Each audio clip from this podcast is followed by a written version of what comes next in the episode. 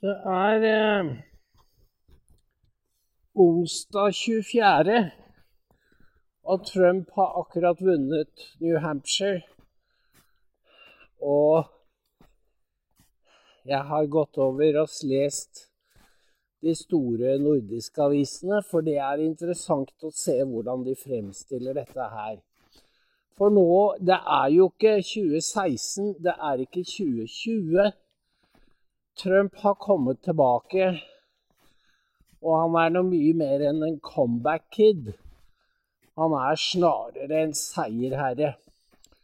Og det gjør inntrykk på journalistene. De klarer ikke skjule at noe som grenser til beundring for en som gjør det umulige.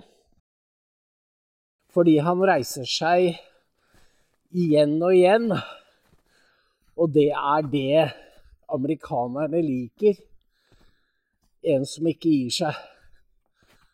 Selv mot en uh, tilsynelatende uoverstigelig overmakt, så reiser Trump seg og det er den kampviljen som gjør at folk backer han. Og jo mer de kaster mot han nå, jo sterkere blir han. Og det har de ikke noe svar på. Ikke i mediene, ikke i sikkerhetsstaten, ikke hos demokratene. De har prøvd alt, men han blir bare sterkere. Og det er selvfølgelig fordi han har det amerikanske folk i ryggen. Selv ikke i det hummerspisende New Hampshire Høyt utdannet hummerspisende New Hampshire, det var en formulering i Berlingske, tror jeg det var. Og det er alltid noe sånn småplukk å finne som sier noe om at journalistene kan komme til å snu under visse omstendigheter. Og eh, Dagens Nyheter skrev at det hadde aldri skjedd før at en tidligere president vant både Iowa og New Hampshire. Og da, når de bruker ord som aldri og noensinne, så er det jo de største komplimenter Trump kan få.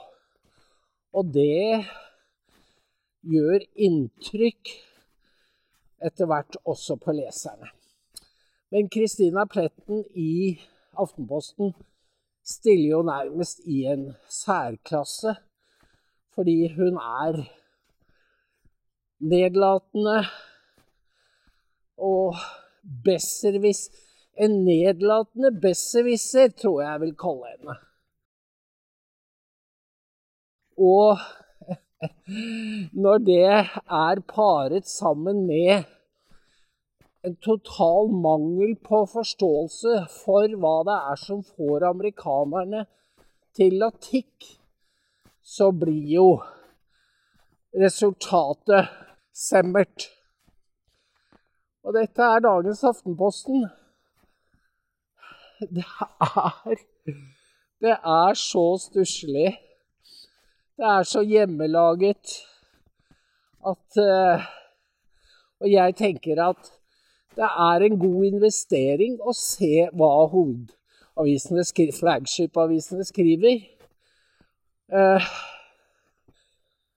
fordi Trump tar jo rotta ikke bare på motstanderne i USA, men over hele den vestlige verden.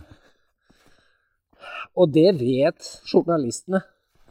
De er klar over det, at det er ikke bare er ikke bare Biden som går på et nederlag, det er også dem som har støttet opp under disse falske påstandene helt siden 2015-16. og aldri gjort noe forsøk på å fortelle folk sannheten. Det skal bli litt av en blåmandag etter hvert som valgkampen skrider frem. Og Derfor ønsker vi å være med helt fra begynnelsen. Og jeg håper å kunne ha tid til å skrive disse blandinga referat og analyser av, av pressen i Skandinavia. Hvis jeg har energi, så burde jeg også hatt til å skrive om, skrive om, det på engelsk, fordi det er jo en lukket bok. Vi er jo en lukket bok for utlendinger. Det er i sannhet historiske tider. Og Trump kommer til å bli Steve Bannon sa jo det for flere år siden, at denne epoken kommer til å bli kjent som Trump-epoken. Og det kan hende han får rett. Hvis han vinner nå til høsten, så, så er det snakk om den største politiske bedriften i amerikansk historie. Det fins ikke maken. Og da vil jo hodene rulle, selvfølgelig, selv om han sier at han skal bidra til forening. Samling, så er vi nødt, amerikanerne, ha krav på å få vite hvem det var som trakk i trådene. Hvem som konspirerte og ødela valget, særlig i 2020. Og hva skal skandinaviske medier si da? Fordi bevisene er jo helt tydelige for den som vil se at valget i 2020 ble stjålet. Men de vil ikke se, for de hadde konkludert på forhånd. Og da snakker vi også om en tillitskløft som er så stor at vi aldri har sett maken. Det er sånne vi har i totalitære samfunn.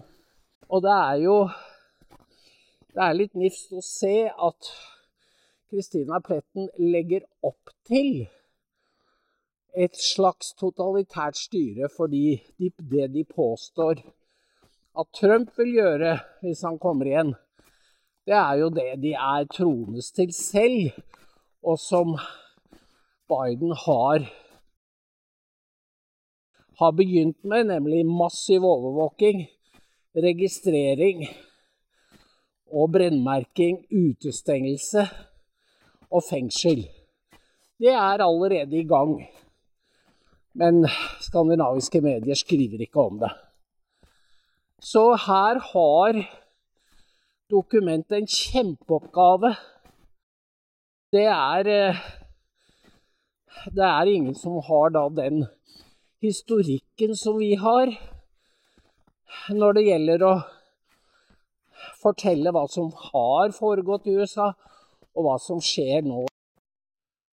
Ja, det er fortsatt uh, eh, 24. Jeg uh, Det ble et brudd her av en eller annen grunn, så jeg vil bare fortsette å runde av med å si at det overvåkingsapparatet som Biden har bygget opp i USA, som jo strekker seg tilbake flere presidenter, det fra begge partier, det har vi også fått her, og det har økt noe voldsomt nå de siste to årene. Og det skjer. Det er ingen tilfeldighet at, vi, at amerikanerne får baserettigheter her, og at vi får nye overvåkingslover. Her er det en klar sammenheng. Derfor er kampen om Amerikas sjel også en kamp om vår fremtid. Og det tror jeg en god del av våre lesere er klar over. Derfor er det å følge med på å ha en riktig analyse og de riktige kunnskaper om Amerika helt nødvendig for å forstå ikke bare samtiden, men også vårt eget land. For her det er en grunn til vi ikke hører noen opposisjon lenger på Stortinget i disse store, viktige spørsmålene. Fordi alle forstår at det er kommet inn en veldig mektig aktør. Ikke bare én, men at det er veldig mektige krefter som ikke liker at du snakker høyt og kritiserer dem. Da går det deg ikke vel, da får du ikke leve lenge i landet. Og slik har det vært nå i flere år i USA.